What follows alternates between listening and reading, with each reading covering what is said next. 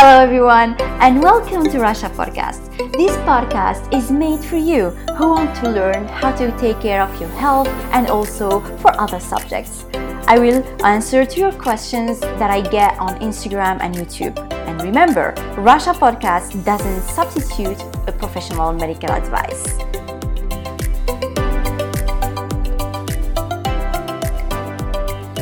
Hello again, my dear listeners, and welcome to this new episode of Rasha Podcast. I'm your host, Rasha Bia.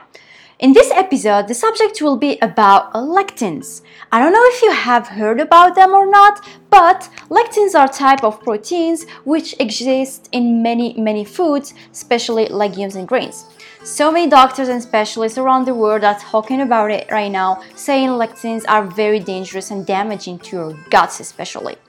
So, lectins exist in plants and also in animals, and I will detail in a little bit the difference between those two. In plants, it is like a defense mechanism. It means like the plant produces lectins against bugs and animals who eat plants to protect itself and, of course, make sure it survives.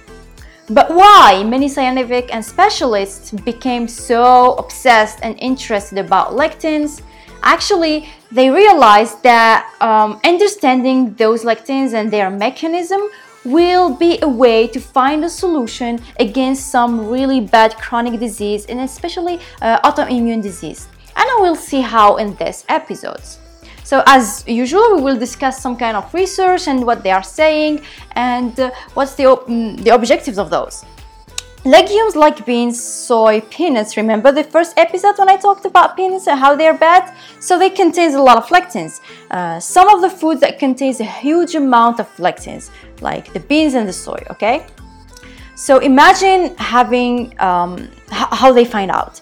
Uh, in 1976 in England, nine boys ate kidney beans. They were not boiled and they were not cooked. And after one hour and a half, they finished in the hospital with diarrhea and really throwing up. Like it means like uh, they just ate four kidney beans. Uh, one of one of the boys ate just four kidney beans and just they finished this way. And this is how they understood the damaging uh, effects of kidney beans when they're not boiled.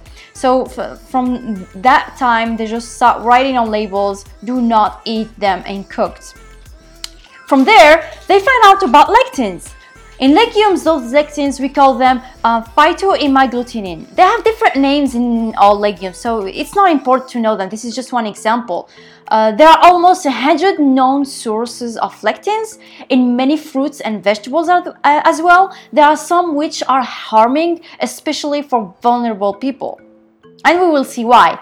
And as I said in the beginning, lectins bind uh, to carb. No, I didn't say this in the beginning. no, so the lectins bind into carbs, right? All the glucose. this is how it happens when your in your body cells that are compound uh, in its membrane.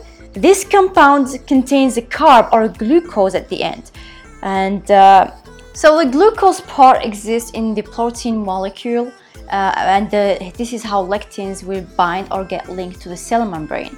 Um, lectins they are very resistant to digestion enzymes, and in most, cases they are eliminated and they are not nutritionally they are nutritional, nutritionally useless.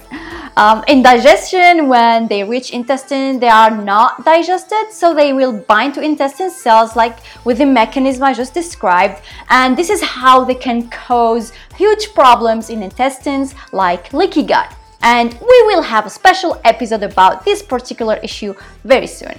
In short, leaky gut means that the tight junction that links intestine cells are broken, allowing them the, the big particles which are not digested, like proteins, like the lectins or the gliadin of the gluten, um, and also some microbes and the, the toxins which are not supposed to, to go through and pass through. We will find them in the blood. And when we will find them there, they will cause an immune activation and a huge immune response, which is really bad. There is a study actually in 1983 you will find the link of the study in the description, which has shown how lectins allow uh, uh, fat storage, and like insulin actually, or even more. They found that people who stopped eating lectin sources lost a lot of weight. How this works Remember on my Instagram channel, I described some effects of the insulin when it's high and how it will enhance fat storage and inhibits fat burning. I think you do. And if you don't, just um, I will post it again. Lectins, what they do is that they will activate insulin receptors and will produce then the same insulin effects. So imagine when they are together. In another study, they found that lectins block leptins. So leptins is uh, also another subject, but Leptins, uh, I talked about it briefly on my fructose video in my uh, YouTube channel, remember? Leptins with a P is the satiety hormone, and lectins with a C will block it, and the individual will not feel full. He will just keep eating and eating over and over again. Moreover, lectins can be the cause behind heartburn or reflux. Uh, the mechanism is kind of complex, I'm not gonna describe it here, but there will be more acid production. That's why we find a reduction of this condition when the patients start a low carb, high fat diet after just six days because they cut grains, a main lectin source. And as I said in the beginning, we have uh, animal lectin sources and plant sources.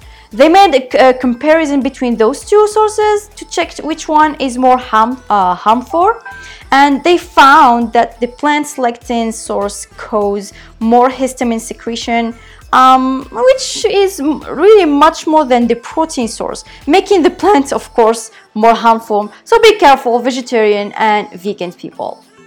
In another very recent study in 2016, uh, they found or they wanted to see how can lectins be one of the reasons behind Parkinson's disease.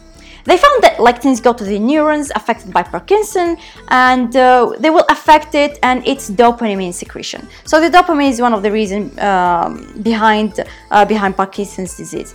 If you go back to leaky gut, a condition that occurs uh, in intestines, we can see that gluten, for example, is one of the main reasons behind it. And you know what? Gluten are lectins.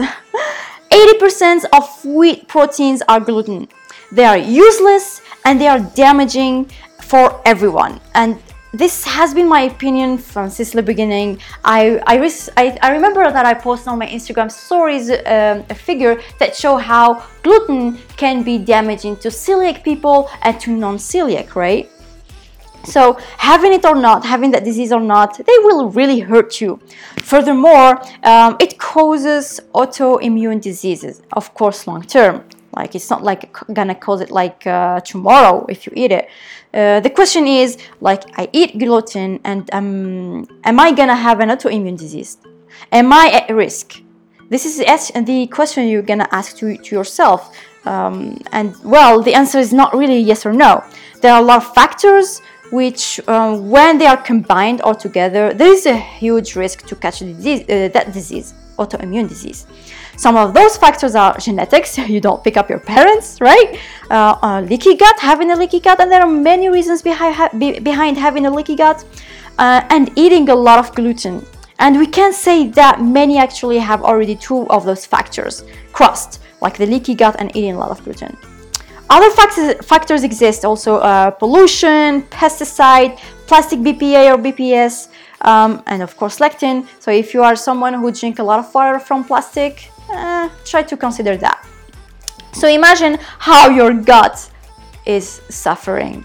But, but, as I said, I always try to give you guys uh, solutions for every problem as much as I can.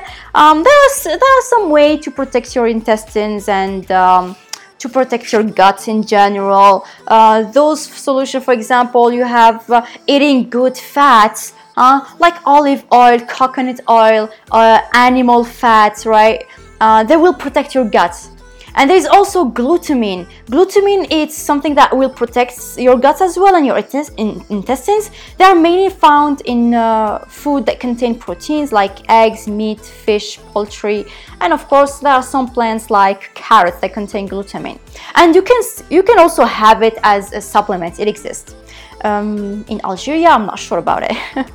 Another important question to know is Does eliminating, that's the last question actually, we're gonna finish the episode with it. Does eliminating lectins when having an autoimmune disease is really helpful? And the answer is yes. Why? because there is a study done in 2017 which has uh, that they realized this with patients suffering from intestine inflammations. And one final thing be- before closing is in order to get rid of lectins in legumes, for example, uh, the best way is to cook them really well. And how to cook them is using uh, a pressure cooker. The pressure cooker, we're gonna cook it like for one hour, is the best way to get rid of lectins. If you are someone who consume legumes very often, just buy a pressure cooker and use it. So guys, I hope you understood a little bit and you got and uh, you had now a small idea about lectins or what they can do to your uh, to your guts, to your to your overall health. If you know someone who is suffering from autoimmune disease or just uh, a problem in intestines, share with them uh, these episodes. Maybe they will understand and maybe they will find a way to their problem. And so, so thank you so much, Guy, for listening to me until now and finishing this complex episode with me. I hope you uh, learned and understood something from it. And as I said, always take care of yourself, take care of your health, and your health is your choice. Bye bye.